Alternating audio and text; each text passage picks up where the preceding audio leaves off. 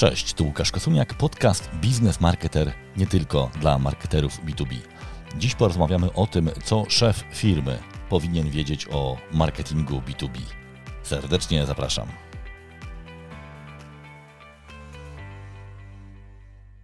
Ostatnio miałem wiele okazji rozmowy o marketingu B2B, ale niekoniecznie z marketerami, ale z szefami firm, ludźmi z zarządu, czyli tymi, którzy tych marketerów zatrudniają, oceniają, motywują, zwalniają.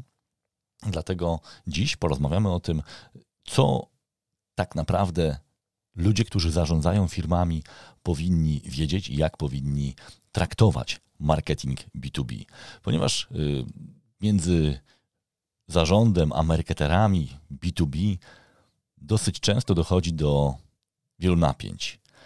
Marketerzy narzekają na to, że marketing jest traktowany w ich firmach po macoszemu, że nie są e, dofinansowani, nie są doceniani, że często w pojedynkę muszą wykonywać wiele różnych zadań, e, często jednocześnie strategicznych i bardzo taktycznych, a i tak cała chwała potem jest przypisywana handlowcom. A z drugiej strony, właśnie ci rozmówcy e, z ostatnich kilku tygodni przyznają się, że nie zawsze wiedzą, jak obsługiwać marketing, jak, czego oczekiwać od marketingu, jak oceniać, jak doceniać. Nie mają wiedzy, y, patrzą często na to, co robi konkurencja i y, próbują naśladować te najbardziej efektowne działania, często jakieś niestandardowe reklamy, y, fajne rzeczy, potem przychodzą z tymi pomysłami, wrzucają to marketerom, widzą mm, zakłopotanie albo takie zniecierpliwienie na ich twarzy, y, bo nie doceniają tego, co mają w środku, tylko przychodzą z zewnętrznymi pomysłami. Często nie wiedzą, ile tak naprawdę wydawać na marketing, bo marketerzy cały czas mówią o budżecie marketingowym, ale ile tego powinno być, jak ten budżet powinien być wydawany. Y, to nie jest tak, że oni nie chcą wydawać tych pieniędzy, tylko po prostu nie wiedzą, jak to robić. No i wreszcie nie wiedzą też, jak y, oceniać, jak rozliczać marketing, czego oczekiwać tak naprawdę od marketerów y, i w związku z tym bardzo często są różne skrajne pomysły. Jedni rozliczają z aktywności, to znaczy, zrób mi cztery konferencje, zrób y, kalendarze na nowy rok i będzie dobrze, a inni y, oceniają tylko za sprzedaż. Jeżeli nie ma sprzedaży, nie ma y, budżetu marketingowego. Oba te podejścia moim zdaniem są skrajne i trzeba to trochę zniuansować. Dlatego postanowiłem nagrać ten odcinek, który myślę, że będzie i chciałbym, żeby tak było, pewnym wstępem do dyskusji, bo po pierwsze, nie wyczerpiemy tego tematu. Po drugie, ja jestem w trakcie dosyć dużego researchu i cały czas y, pojawiają się jakieś tam nowe perspektywy, nowe dane, nowe analizy, które, y, które, do których mam, mam dostęp i mam świadomość, że y, tego jest zbyt dużo na jeden odcinek, więc będę to starał się Wam w częściach dostarczać. Natomiast dziś dotknę, mam nadzieję, takich naj, najistotniejszych elementów, też oczywiście tych, które ja subiektywnie jako konsultant marketingu B2B widzę i o których rozmawiam z menedżerami i z marketerami. Więc powiemy sobie o policzalności marketingu, o tym, czy powinno się rozliczać z pewnych twardych parametrów, czy raczej to jest bardziej sztuka niż nauka. Powiemy sobie o zespole, czego oczekiwać, y, jakie są kluczowe kompetencje. Powiemy też o tym, y, jaka jest rola marketingu w budowaniu wiedzy o klientach, bo tu często jest y, wiele mitów. Oczywiście o generowaniu lidów, o mediach społecznościowych i o tym, jak szef firmy powinien do tego podchodzić, o tym, czy warto outsourcować marketing, jeżeli tak, to jak, a jeżeli nie, to dlaczego. No i y, potem powiemy też o technologiach, o roli y, nowoczesnych technologii y, w marketingu. Kolejne zagadnienie w tym podcaście to będzie relacja marketingu i sprzedaży. Potem powiemy sobie o marce, o tym, co marketing w firmie B2B powinien zrobić z marką i jak powinien do tego podejść szef takiej firmy. Czy to jest ważne zagadnienie, czy raczej y, w przypadku B2B y, niezbyt pierwszorzędne. Zacznijmy więc od, od policzalności, bo y, tu mam wrażenie jest najwięcej nieporozumień i mitów. E, są dwa podejścia, tak jak już wspomniałem w tym wstępie. E, jedni marketerzy, ale też i szefowie firm mówią o tym, że marketing to jest takie działanie, bardziej sztuka niż nauka, ma być e, widowiskowo, ma być fajnie, ma być zauważalnie. Dużo znaczenie ma intuicja, e, więc nie można się ograniczać jakimiś e, miarkami. A z drugiej strony skutkiem tego jest to, że jeżeli tak traktujemy marketing, no to jest to czysty koszt i jeżeli nie widzimy żadnej wyraźnej wartości, która za, za tym stoi, no to siłą rzeczy, nawet przy dobrej woli staramy się, żeby te koszty były jak najniższe i to jest jeden skutek takiego podejścia. Drugi jest taki, że ci marketerzy są traktowani trochę jak artyści cyrkowi i e, w odróżnieniu od handlowców, z którymi rozmawiamy, czasem są to trudne rozmowy, ale rozmawiamy o konkretach, o sprzedaży, ile jest, ile będzie, dlaczego tak uważam, e, co zrobić, żeby było więcej, to jeżeli nie patrzymy na marketing jako na źródło wartości, tylko na źródło kosztów właśnie, czyli coś niepoliczalnego, no to staramy się, żeby ten marketing był w jakimś tam minimalnym yy, zakresie, ale też nie oczekujemy od marketerów podejścia takiego zarządczego. W związku z tym oni się nie rozwijają, yy, często gnuśnieją, często wymyślają różne pomysły, które są widowiskowe, yy, często chcą się pod, podlizać szefowi i, i, wymyślają jakieś konferencje prestiżowe, na których szef występuje i też się cieszy, że wiele osób go ogląda, tylko niestety nic z tego potem nie wynika, a koszty tego są często niemałe. Ja jestem zdania, że większość aktywności marketingowych można precyzyjnie mierzyć. Myślę, że nawet prawie wszystkie, natomiast to jest oczywiście zawsze kwestia kosztu mierzenia i doboru aktywności, które można mierzyć. To znaczy, jeżeli prowadzę stosunkowo niewielką firmę i wiem, że ten budżet czy nasze możliwości pomiaru będą ograniczone, to y, powinienem oczekiwać od marketerów, żeby zaproponowali takie działania marketingowe, które w miarę tanio można policzyć. Rozwój narzędzi marketingowych, takich jak marketing automation, spowodował, że wiele tych działań tak zwanych performance'owych, czyli generowanie leadów, jest rzeczywiście dosyć precyzyjnie y, mierzone.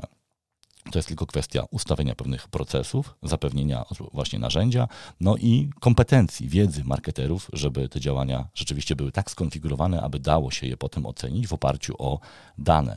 Bo tu nie chodzi tylko o to, żeby wypłacić premię marketerowi albo jej nie wypłacić, jeżeli nie zrealizowane są cele. Chodzi o to, żeby się uczyć i być coraz e, skuteczniejszym jako organizacja. Więc jeżeli pewnej rzeczy nie mierzymy, no to nie możemy być, nie możemy być w tej, po tej stronie organizacji rozwijających się.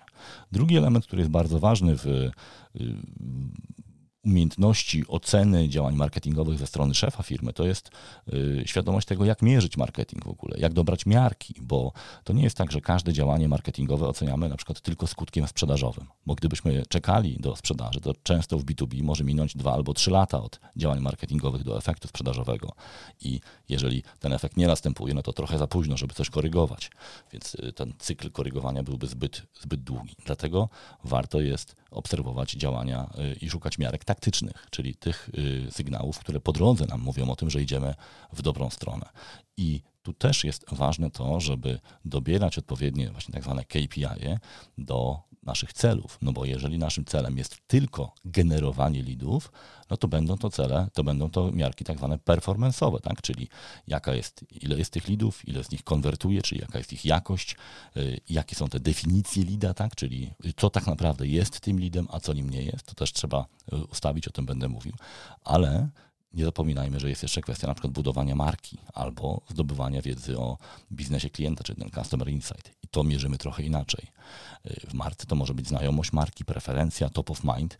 Te rzeczy też się mierzy, tylko nie pieniędzmi. Tak? Czyli możemy ocenić, czy w obszarze budowania marki marketing robi dobrą robotę. Może to być dosyć precyzyjna miara.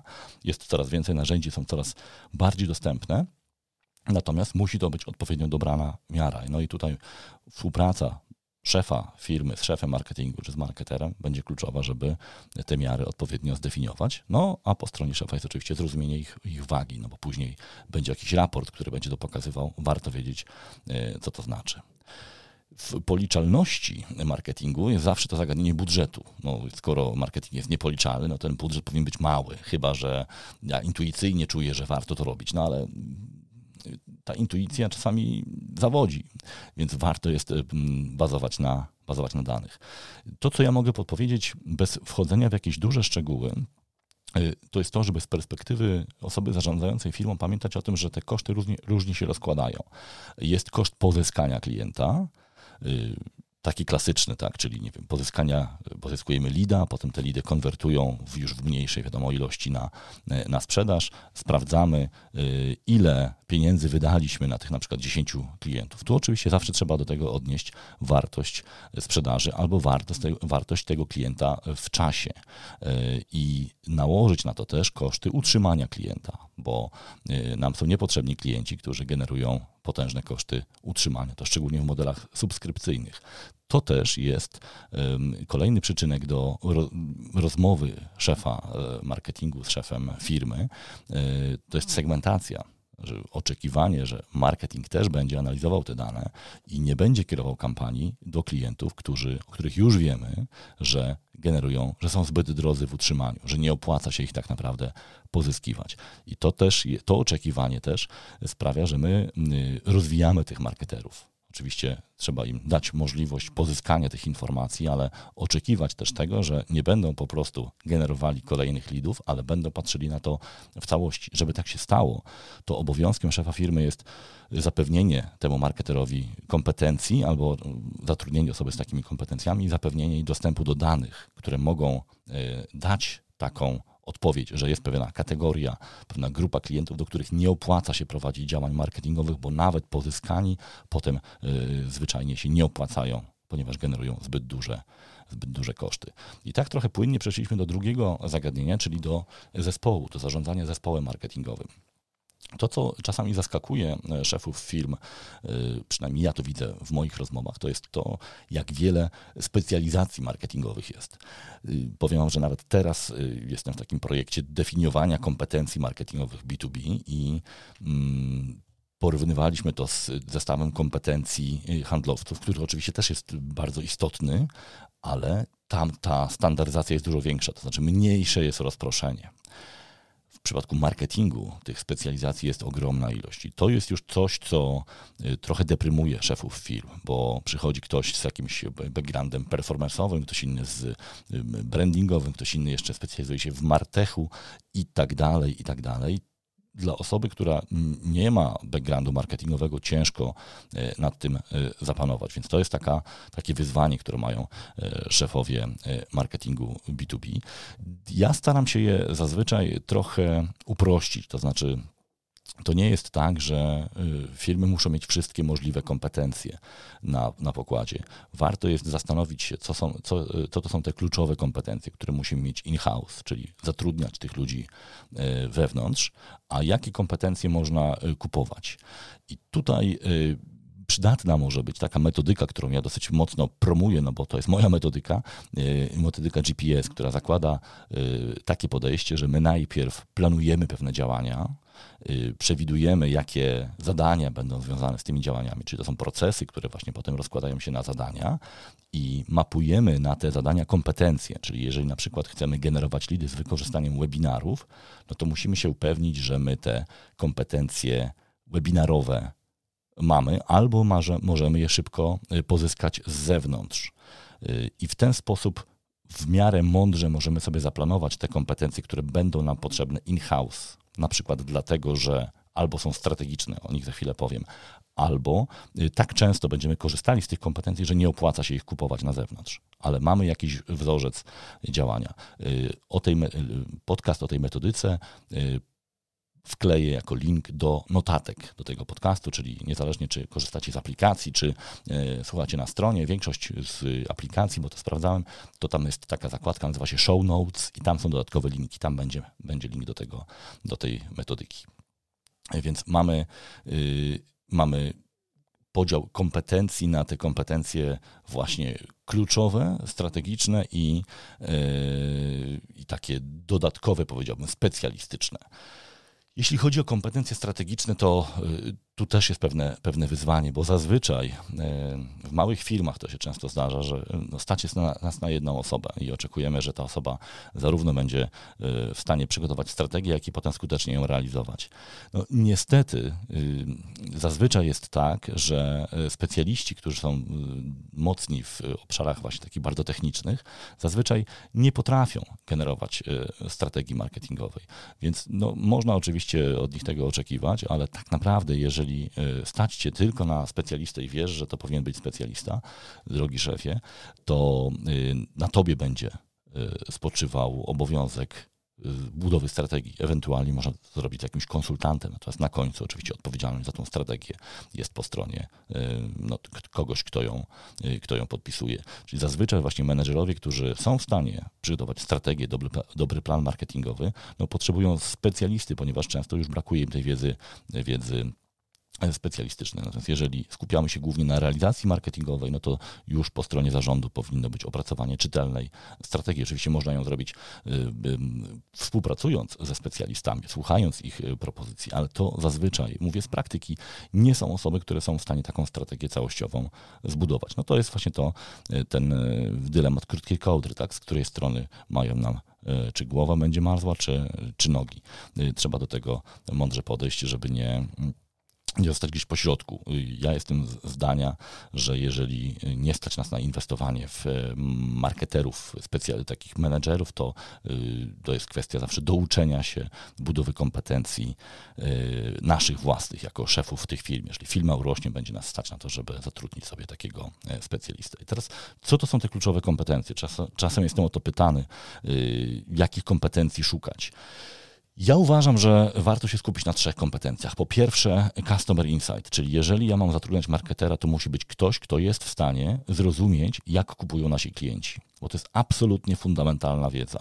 Y, niestety y, wiele firm bazuje na tym, co powiedzą handlowcy. Handlowcy mają wiele informacji na temat procesu zakupowego, to jest naturalne, bo biorą w nim udział, ale nie wiedzą zazwyczaj, jak to się stało, że klient rozpoczął ten proces. A w marketingu właśnie y, skupiamy się na tym, żeby objąć klienta całością, w całości jego procesu, czyli żeby skontaktować się z nim jak najwcześniej. Czyli musimy rozumieć, czy ta osoba powinna wiedzieć, jak zbudować właśnie buyer personę w B2B, B2B, e, jak odkodować, czyli od, na podstawie rozmów z klientami i handlowcami, zbudować ten lejek, ten proces decyzyjny, no właśnie po to, żeby potem wiedzieć, jakimi treściami, jakimi narzędziami do tych klientów docierać i dzięki temu skutecznie generować lidy, czyli budować to przedpole pracy naszych handlowców. Tutaj zwracam uwagę na, na jedną rzecz – jeżeli zatrudniacie y, marketera, który do tej pory miał doświadczenie tylko w B2C, to na przykład buyer persona w B2B i w B2C jest inaczej rozumiana. Y, w B2C bardzo często buyer persona to jest po prostu profil idealnego klienta, czy ktoś powie, że to jest pani Krystyna, która jeździ czerwonym Audi, y, skończyła Politechnikę, kierunek informatykę i jej dochód to jest na przykład 25 tysięcy brutto, powiedzmy. To są dane, które mogą być przydatne w marketingu B2C, jeżeli byśmy, nie wiem, pozycjonowali jakiś jakieś na przykład linie komputerów dla takich nowoczesnych kobiet, ale nie są wystarczające w B2B. Nie będziemy wchodzić znowu w szczegóły, Bayer Persony po prostu Wam podlinkuje e, e, podcast o tym, natomiast trzeba na to zwrócić uwagę, bo bardzo często widzę to jako problem. E, marketerzy B2C przychodzą do B2B ze swoimi kalkami, Często jest tak, że mają takie przekonanie, że oni są bardzo rozwinięci i tutaj w B2B nikt się na marketingu nie zna. To może być prawda, ale wiele technik B2C po prostu nie działa. Więc też zwróć na to uwagę, drogi szefie, dro, droga, droga szefowo, że można tutaj pomylić się w rekrutacji, czyli zatrudnić sobie błyskotliwego marketera B2C, który nie będzie rozumiał procesu decyzyjnego. Dlatego kluczowa kompetencja, moim zdaniem, której warto oczekiwać i warto też poszukiwać, to jest to, na ile ta osoba jest w stanie zrozumieć proces decyzyjny klienta.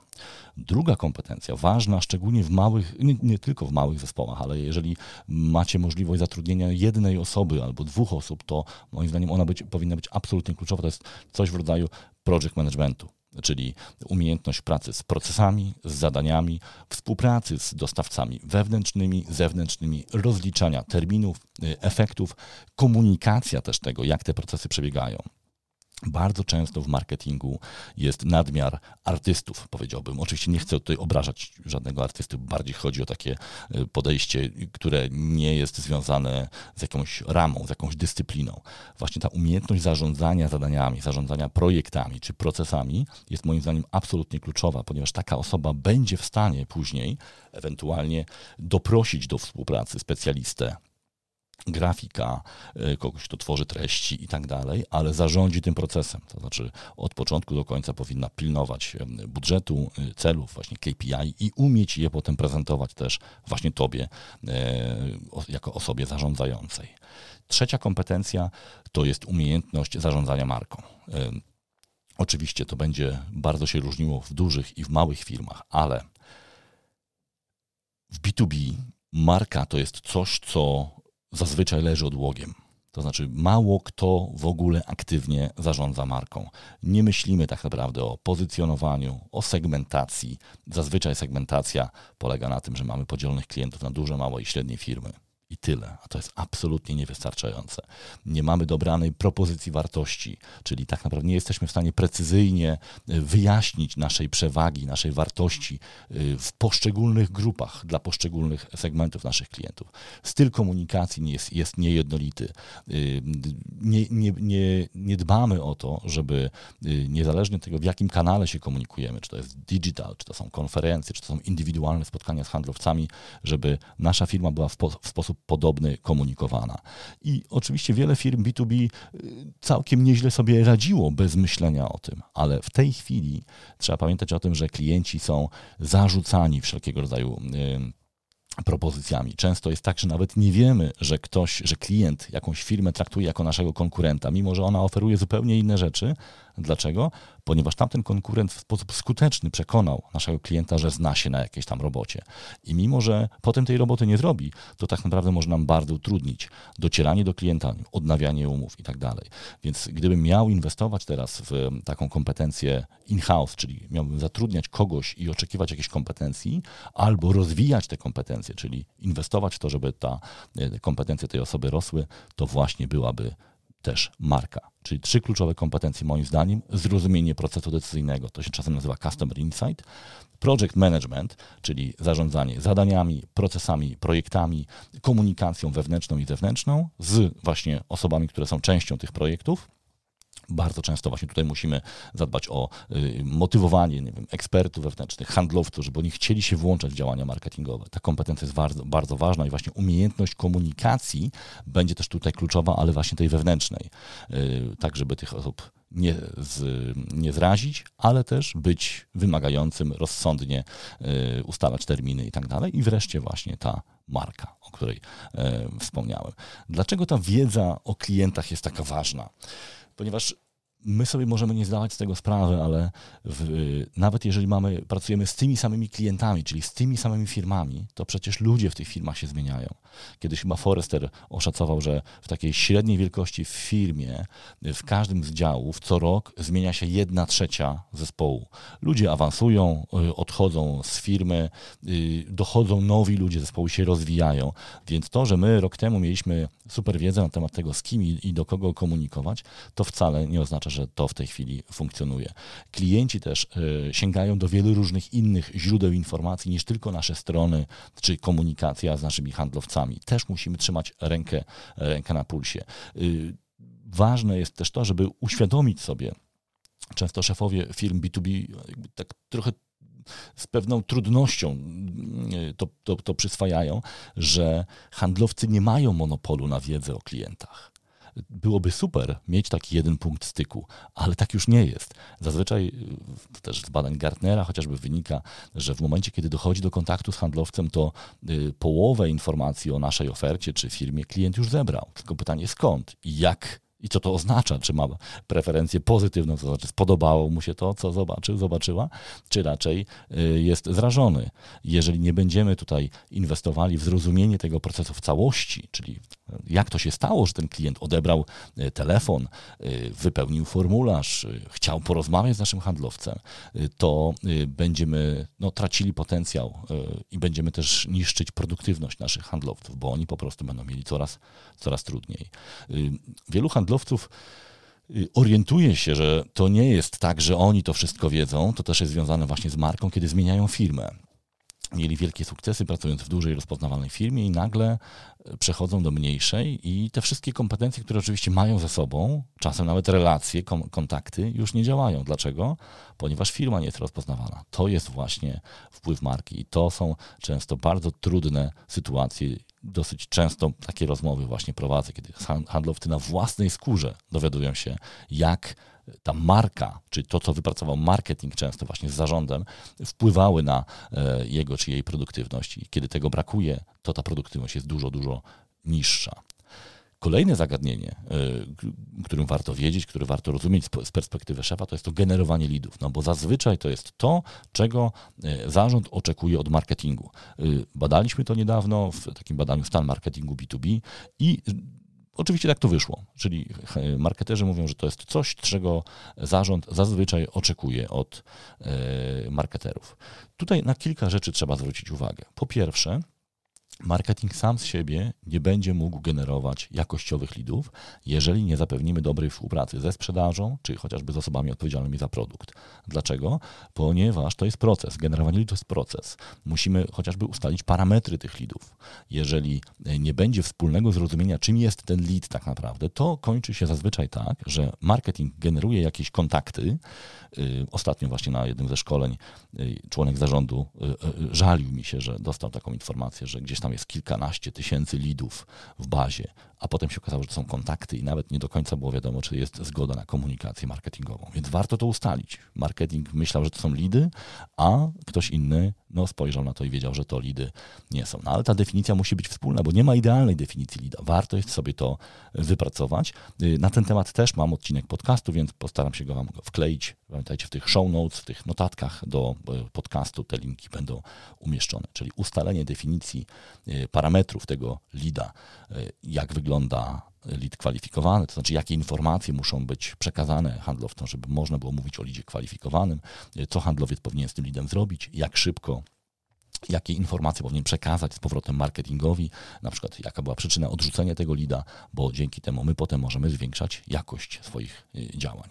Y, oczywiście, żeby generowanie lidów miało, było skuteczne, musimy też zapewnić zasoby, chociażby takie jak treści, które których wytworzenie też kosztuje, y, albo w zasadzie lub narzędzia, czyli te narzędzia, które pozwalają serwować te treści do odpowiednich osób, a potem obserwować to, jaka jest ich reakcja, więc tu też ważne jest to, żeby po stronie zarządu była otwartość na to, że marketing musi się posługiwać takimi narzędziami, ponieważ metoda zeszytu i ołówka, y, o ile czasami jeszcze w sprzedaży o dziwo y, działa, to w marketingu już nie będzie działało, ponieważ te punkty styku zazwyczaj są jednak cyfrowe już, y, już w tej chwili. Warto jest też pamiętać o tym, że czasem to mm, generowanie lidów jest taka pokusa, żeby je wydać na zewnątrz, wyoutsourcować. To jest właśnie kolejny, mm, kolejny obszar, y, o który powinien rozumieć, która powinien rozumieć każda osoba, która zarządza firmą, gdzie jest marketing B2B. Y, czasami jest tak, że wygodniej dla nas byłoby zlecić to generowanie lidów firmie zewnętrznej, która wiadomo, że się w tym specjalizuje, y, jest, ma jakąś tam skalę działania, ma narzędzia i tak dalej. Poza tym mamy fakturę, możemy wymagać, nie, nie musimy się bawić w żadne tam etaty i tak dalej. No ale niestety w B2B zazwyczaj to nie działa. O ile jeszcze ja się spotkałem z tym, że przy bardzo dobrze zdefiniowanych produktach, takich yy, gdzie sprzedajemy coś z pudełka, gdzie jesteśmy nie wiem, resellerem, może się zdarzyć, że to działa. Chociaż mówiąc szczerze, próbowałem w kilku projektach y, i nie zadziałało to przy produktach bardziej skomplikowanych, bardziej rozwiązaniowych, gdzie trzeba pewne rzeczy dopasować i tak dalej, czy mamy wręcz jakieś takie budowanie na bazie oczekiwań klienta, coś tworzymy od nowa, nie wiem, budujemy nie wiem, linię produkcyjną do fabryki, to tutaj nie ma żadnego śladu, że to działa. Więc byłbym bardzo ostrożny korzystaniu z zewnętrznych usług generowania lidów, ponieważ te firmy bardzo często wysyłają te same pro, y, propozycje do tych samych klientów i oczywiście oni mają fajne narzędzia, dobrą analitykę, jakieś różne fajne patenty na zwrócenie uwagi i tak dalej. Natomiast y, na końcu te lidy są po prostu bardzo niskiej jakości, czyli one pozornie spełniają kryteria i je musimy zaakceptować, no bo na to się umówiliśmy, ale później handlowcy wracają i mówią, że tak naprawdę to nic z tego nie, nie wyniknęło. Więc tutaj duża, duża ostrożność. Kolejna taka pokusa wyoutsourcowania to jest też outsourcing y, treści, kontentu. I też kiedyś o tym mówiłem już w podcaście. O ile y, agencje kontentowe fajnie sobie radzą z opracowaniem treści na bazie istniejących już materiałów, y, przerobieniem, y, redakcją, stworzeniem nowych formatów, o tyle trzeba być bardzo ostrożnym, jeśli chodzi o takie tworzenie treści od zera. I teraz y, są może, moim zdaniem dwa rodzaje agencji. Jedna, jeden rodzaj, oczywiście te droższe, które pracują y, na całym projekcie, czyli y, ustalają, kto może podzielić się wiedzą, mają umiejętności wyciągania tej wiedzy z głowy naszym ekspertom i potem z tego robią jakościowe treści, na bazie też pewnej strategii, czyli muszą wiedzieć, do czego mają doprowadzić, po co są te treści, jak będą wykorzystywane czyli takie umiejętności mocno planistyczno-strategiczne, które oczywiście za które trzeba zapłacić. I moim zdaniem, jeżeli robimy to często, lepiej zapłacić człowiekowi, który pracuje u nas na etacie niż agencji. Natomiast jest też druga grupa agencji kontentowych, niestety, które robią to na masę. I oni po prostu siadają, dostają temat, wpisują to w jakieś e, swoje narzędzia. W tej chwili, wiecie, sztuczna inteligencja, czat GPT pozwala tworzyć treści, które wyglądają ok, da się to czytać, ale merytorycznie są bardzo miałkie. Więc jeżeli będziecie chcieli tworzyć dużo treści i tanio, to dostaniecie taką ofertę. I te treści będą wyglądały ok, szczególnie jeżeli nie, w, nie wkręcamy się w, w szczegóły. Z tym, że pamiętajcie proszę, takich treści za chwilę będą tysiące. O wiele ważniejsza będzie ta kompetencja doboru tematu, tego, co tak naprawdę my powinniśmy komunikować i dlaczego i jak te treści potem wykorzystać. I moim zdaniem tego typu kompetencje, w, w tego typu kompetencje warto inwestować. To jest właśnie jedna z tych y, kompetencji strategicznych, o których Wam powiedziałem, czyli ten Customer Insight. Jak ten nasz klient decyduje, jak kupuje i jakimi treściami można do niego y, dotrzeć. Y, no, są czasami firmy, które rozważają w ogóle outsourcing całości marketingu. Są agenty 360, które niektóre mają taką ofertę. No i tutaj, tutaj trzeba podjąć świadomą decyzję. Przede wszystkim taką, czy marketing jest ważnym obszarem naszego działania, czy nie. Ale nie tylko komunikacja marketingowa, czy promocja, czy, czy reklama, bo to jest tylko część marketingu. Y, jeżeli jest ważne, jeżeli zrozumienie klienta, jeżeli procesy marketingowe, jeżeli pozyskiwanie klientów, utrzymanie, dbanie o, nich, o ich satysfakcję jest dla nas ważne, to nie powinniśmy outsourcować takiego procesu. Dlaczego? No bo trzeba sobie zadać pytanie, kto buduje kompetencje dzięki temu? Czy my, jako firma rozwijamy te kompetencje, czy agencja, która będzie to za nas e, robić według jakichś tam swoich parametrów. Pytanie, czy my możemy oczekiwać na przykład tego, że będziemy odpowiednio, e, z odpowiednim priorytetem traktowani przez tę agencję, bo to jest jakby inna para kaloszy, co potem się dzieje e, po wyoutsourcowaniu tego procesu. Tak naprawdę czasami my nie mamy potem nawet kompetencji, żeby ocenić tę agencję. Dlatego właśnie Tutaj wracam do drugiego rodzaju kompetencji, tych strategicznych, czyli project management, czyli umiejętność zarządzania projektami.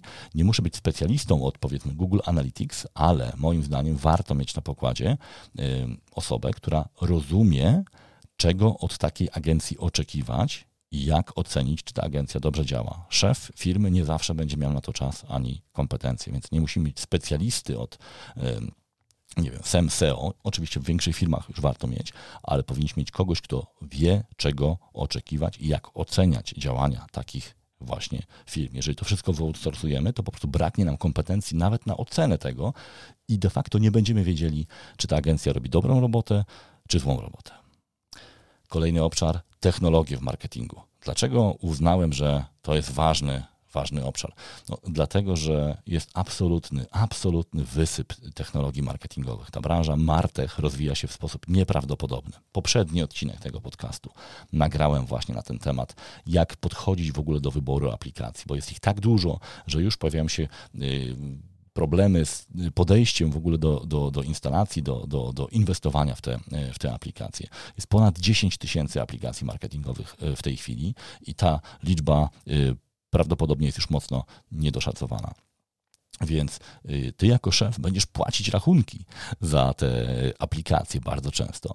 Więc warto też albo y, zatrudniać osobę, która ma pojęcie o właśnie tym martechu, moim zdaniem to może się mieścić w tym, w tym obszarze project management, albo korzystać z pomocy kogoś, kto będzie doradzał tej firmie w budowaniu tego tak zwanego stosu technologicznego, czy tego zestawu technologii, jaki jest potrzebny firmie, bo y, w tej chwili pokusa jest taka, że te aplikacje są bardzo tanie.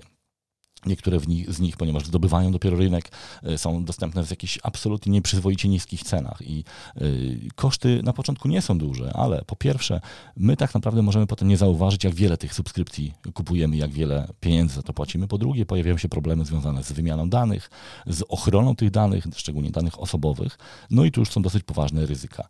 Więc zwróć też na to uwagę, proszę, drogi szefie, jeżeli twój zespół zaczyna inwestować w technologie marketingowe, czy tam jest jakaś logika czy ktoś tym zarządza. Być może warto porozmawiać z szefem IT, jeżeli taką osobę zatrudniasz u siebie w firmie, żeby ta osoba zarządzała tym, żeby miała dostęp do tego, jakie aplikacje, z jakich aplikacji marketing korzysta, bo tutaj bardzo łatwo o to rozproszenie ja w tym odcinku podcastu, czyli poprzednim, czyli 146, podpowiadam, jak można do tego podejść, więc jeżeli dla Ciebie to jest ważne zagadnienie, to myślę, że ten odcinek może być, może być przydatny.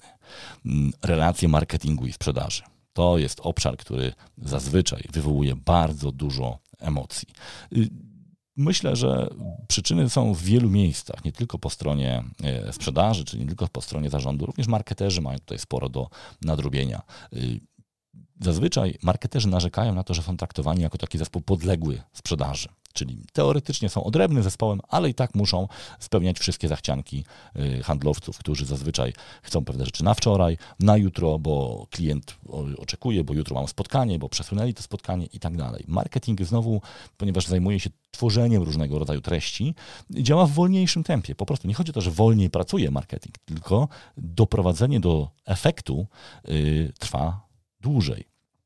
Czasem y, kiedyś t- taką rozmowę słyszałem, że, że, handlowiec mówi, że no mi napisanie maila długiego zajmuje dwie godziny, a wy mówicie, że za dwa tygodnie taką wiadomość na 2000 znaków będę mógł, czy jakiś tam wypowiedź, czy tam kawałek tekstu będzie gotowa. Nie potrafią tego zrozumieć. No tutaj właśnie warto też zadbać o to, żeby marketerzy i handlowcy pracowali razem, czyli właśnie planować chociażby działania marketingowe i sprzedażowe wspólnie, tak żeby te zespoły uczyły się przy okazji tempa swojej, e, swojej pracy.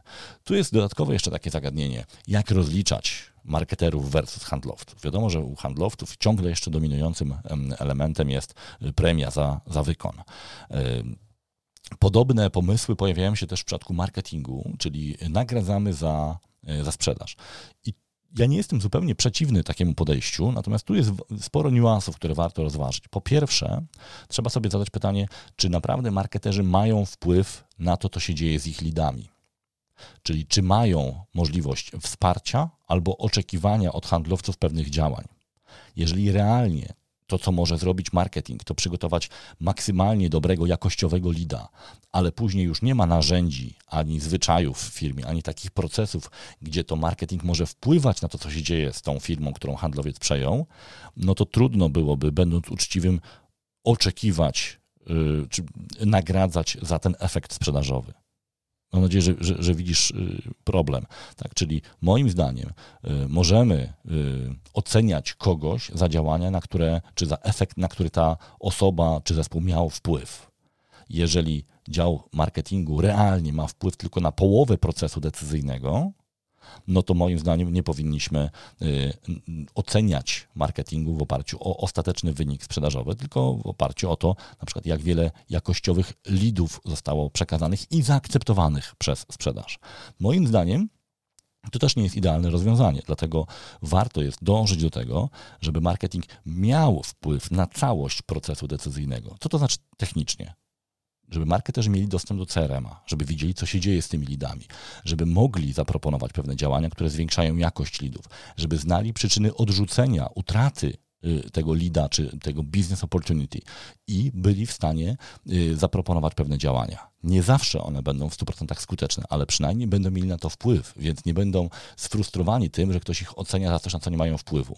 Dzięki temu też rozwijają się ci marketerzy. Widzą, że y, na dalszych etapach tego procesu decyzyjnego, mimo że handlowiec już ma kontakt z klientem, marketing też ma coś do zrobienia. Oczywiście we współpracy ze, ze sprzedażą. To nie może być e, nigdy zrobione w jakiejś tam e, tajemnicy.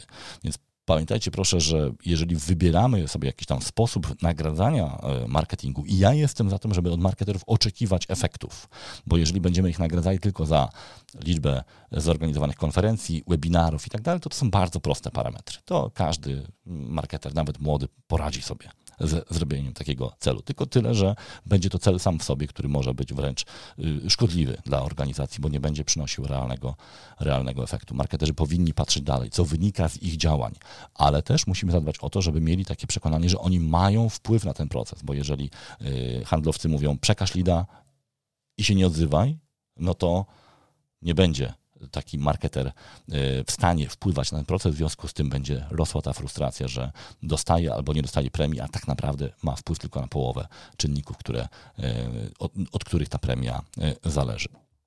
Tu jest jeszcze jeden element takiego właśnie zarządzania relacjami, marketingiem i sprzedażą, czyli coraz częściej pojawiające się pomysły na taką rolę szefa marketingu i sprzedaży, czyli kogoś, kto spina te oba procesy kluczowe w firmie. Ja jestem e, zwolennikiem takiego podejścia, że szukania e, jak największych jak największych integracji czy synergii między zespołem marketingu i sprzedaży. Z tym, że jak patrzę sobie na realia polskich firm, to w większości przypadków ludźmi, którzy są gotowi, żeby taką rolę przejąć, oczywiście w B2B, to są ludzie, którzy do tej pory zarządzali sprzedażą. Ujmę to w taki sposób trochę obrazowy jeżeli się spotykam z y, taką średnią firmą B2B w Polsce, to zazwyczaj szef sprzedaży to jest albo członek zarządu, albo ktoś, kto za chwilę nim będzie, jeździ drogim, dobrym samochodem, a osoba odpowiedzialna za marketing y, jeździ tramwajem albo ma 15 lat mniej niż szef, niż szef sprzedaży i zarabia pewnie za 4 razy mniej. Czyli jest bardzo duża dysproporcja też spójrzcie na to, jak w waszych firmach to wygląda. I teraz siłą rzeczy, jeżeli mam wybrać spo, spośród tych dwóch osób, kto będzie szefem marketingu i sprzedaży, to zazwyczaj będzie to właśnie ten starszy, ten senior, tak, ten szef sprzedaży. No i teraz jest pytanie, czy ten szef sprzedaży będzie rzeczywiście yy, właściwym arbitrem czy będzie w stanie odpowiednio utrzymać relacje marketingu i sprzedaży, czy czasem nie doprowadzi do po prostu takiej wtórnej podległości, mimo że oficjalnie wszystko będzie super. Nie ma na to idealnych rozwiązań, no bo oczywiście możemy inwestować w kompetencje szefów sprzedaży. Na przykład takim projektem jest projekt, którym w tej chwili, do którego zostałem zaproszony, czyli Marketing Management Mastery, tak, który jest organizowany przez um, Akademię Sales Angels.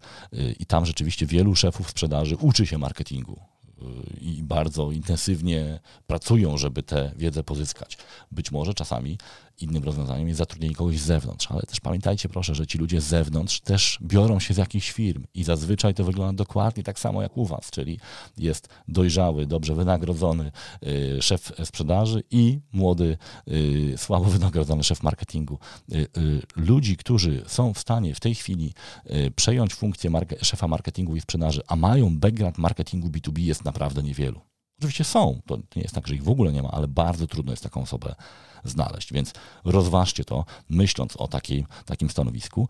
Ja czasem rekomenduję y, integrację na poziomie procesowym, czyli zostawiamy te stanowiska odrębne i wtedy y, zarząd czy szef firmy jest tym arbitrem, ten, tym, którym ewentualnie łączy moderuje tą współpracę, ale integrujemy procesy. I tak naprawdę, jeżeli budujemy y, takie, taką, takie stanowisko jak szefa marketingu i sprzedaży, to i tak musimy y, planować integrację tych procesów. Więc moim zdaniem, biorąc pod uwagę te ograniczenia, które mamy, tak bardzo realnie patrząc na ten e, świat y, ludzi, którzy mają kompetencje, żeby być tymi szefami marketingu i sprzedaży, rekomendowałbym raczej pracę nad zintegrowaniem procesów. To też jest przestrzeń, gdzie my możemy obserwować, jak ktoś sobie radzi, jakie jest podejście tych osób, które są zaangażowane w ten proces budowania tych zintegrowanych procesów i potem na bazie tej wiedzy ewentualnie podjąć taką decyzję, że y, komuś tą odpowiedzialność za marketing i sprzedaż przekazujemy, ale przede wszystkim my jako zarząd jesteśmy zaangażowani w wypracowanie tej integracji.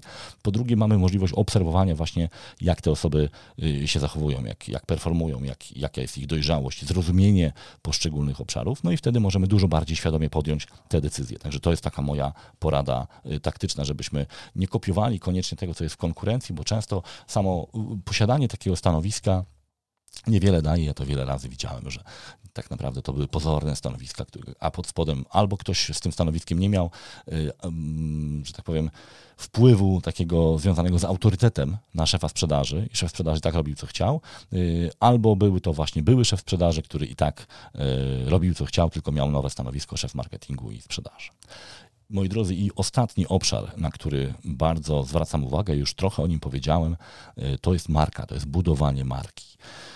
Dlaczego to jest tak istotny element? Ponieważ ja widzę to w praktyce, jak wiele firm e, polskich, bo w większości z polskimi lokalnymi firmami mam um, przyjemność pracować, jak w bardzo bolesny sposób orientują się, że ich marka jest źle zarządzana. Często to jest na przykład ekspansja zagraniczna i okazuje się, że za granicą nikt nas nie zna i to się przekłada na potężne koszty pozyskania klienta. Często muszę się podzielić marżą z jakimś dystrybutorem, który mówi, no ciebie nikt nie zna, ja cię będę reprezentował, ale właśnie wtedy musisz się podzielić marżą.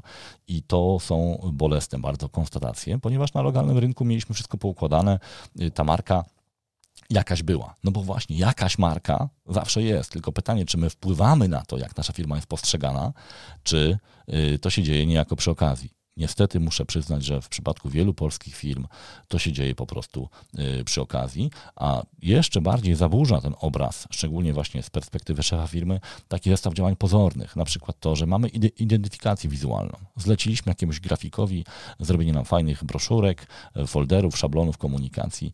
Pięknie to wygląda. Super. Znaczy, do, lepiej jest to mieć niż, niż nie mieć, ale to absolutnie nie jest wystarczające, żeby mówić, że zarządzamy swoją marką. Wielu klientów, wielu, wielu osób, z którymi rozmawiam, mówią, że to handlowcy czy produkt świadczy o marce. Y, tak, tylko że marka może oddziaływać o wiele szerzej. Może i powinna oddziaływać też na potencjalnych klientów, którzy nie mieli okazji y, y, testowania produktu czy kontaktu z naszymi handlowcami. I dobra marka, dobrze zaprojektowana, dobrze komunikowana, oddziaływuje na tych, którzy są jeszcze bardzo daleko od decyzji zakupowej. Ale właśnie chodzi o to, żebyśmy byli w tej grupie, którą te osoby biorą pod uwagę, gdyby zdecydowały się na takie, y, takie działanie. No tu oczywiście jak w soczewce będą skupiały się wszystkie inne elementy, o których mówiłem, chociażby kompetencja związana ze zrozumieniem procesu decyzyjnego klienta i dobraniem treści, budowaniem tych treści eksperckich chociażby, jeżeli jest taka potrzeba. Wtedy oczywiście wpływa to bardzo, bardzo mocno na, na markę. Bardzo często jest też tak, że ta kulejąca marka jest skutkiem tego, że my y, traktujemy marketing bardzo y, taktycznie albo wręcz ograniczamy działania marketingu tylko do komunikacji. No a jeżeli ktoś z Was y, interesuje się trochę marketingiem, to na przykład profesor Kotler mówi, że komunikacja to jest tylko jedno z tych czterech P, czyli y, y, właśnie planowanie produktu, punktów styku, tak, dystrybucji, pricingu i właśnie tym promotion, tak, czyli tego, w jaki sposób będziemy mówili o naszej marce. Więc jeżeli skupimy się tylko na promocji, a często niestety tak bywa, że traktujemy marketing jako to czwarte P, promotion, to nie mamy przestrzeni w ogóle, żeby wspólnie z marketingiem rozmawiać o tym, jakie jest nasze pozycjonowanie, jakie jest skojarzenie, które chcemy wywołać, e, do w jakim segmencie chcemy być obecni, a w jakim świadomie nie chcemy być obecni. I wtedy y, mamy bardzo wąskie pole manewru bo y, wszystkie inne elementy są poza, poza marketingiem, a często w ogóle poza naszym myśleniem. Więc y, korzyść z mm, posiadania w zespole dobrego marketera jest też taka, że ta osoba powinna patrzeć też na cały rynek i podpowiadać na przykład, że my jesteśmy źle spozycjonowani, bo konkurujemy głównie ceną, podczas gdy wszystkie inne firmy wypracowały sobie jakieś inne propozycje wartości. To może być bardzo nomen omen, wartościowa e, rozmowa i wartościowe procesy. Warto szukać osób, które mają takie kompetencje, e, ponieważ ta marka będzie nam potem bardzo pomagać. No, zazwyczaj marka bardzo pozytywnie wpływa na marżę. Jeżeli sobie spojrzycie na takie już ikoniczne przykłady, typu firma Apple, y, no ich marża na hardware jest co, co najmniej dwukrotnie większa niż wszystkich innych y, konkurentów. No właśnie dlatego, że bardzo dobrze zarządzają swoją marką y, rozpoznawalna, skuteczna, dobrze skojarzona marka wpływa też na skuteczność reklam. Czyli o wiele efektywniej wydajemy pieniądze, e, już te reklamowe, jeżeli nasza marka jest dobrze e, zarządzana. W B2B marka skraca proces decyzyjny, ponieważ zazwyczaj właśnie atrybutem takiej dobrej marki w B2B jest, jest pewne poczucie bezpieczeństwa. W związku z tym klienci kojarzą naszą firmę z pewną stabilnością, właśnie tym, że im osobiście nie zagrozimy, w sensie takim, że nie będziemy generowali żadnych kłopotów i bardzo często nawet przy wyższych cenach jesteśmy tutaj preferowani jako firma, która jest, y, jest właśnie traktowana jako bezpieczny wybór. No, stąd to powiedzenie znane w branży IT, że nikt nie został wyrzucony z, z pracy za zakup IBM-a. Yy, oczywiście jest to powie, po, powiedzenie tylko, ale ono oddaje pewien sposób myślenia. Klienci szukają bezpiecznego wyboru, a właśnie marka jest narzędziem komunikowania tego, że jesteśmy tym bezpiecznym wyborem. Marka też wpływa ostatecznie na skuteczność handlowców i to jest taki, taka klamra, którą chciałbym zamknąć to nasze działanie, ponieważ paradoksalnie właśnie to, co często w marketingu uznajemy za najbardziej takie efemeryczne, niemierzalne, niekonkretne, czyli właśnie branding, marka, w sposób dramatyczny wpływa na to, czy nasi handlowcy są skuteczni, czy nie. Wspomniałem już o tym, że wielu z handlowców sami przyznają się, że zmieniając firmę z tej bardziej rozpoznawalnej, z silną marką, na mniejszą, z przerażeniem odkrywali, że drzwi, które do tej pory dla nich były otwarte, w tej chwili są ledwo uchylone. Dlaczego? No bo przecież ich kompetencje, ich urok osobisty y, nie zmienił się. Zmieniło się tylko to, że reprezentują inną, mniej rozpoznawalną markę.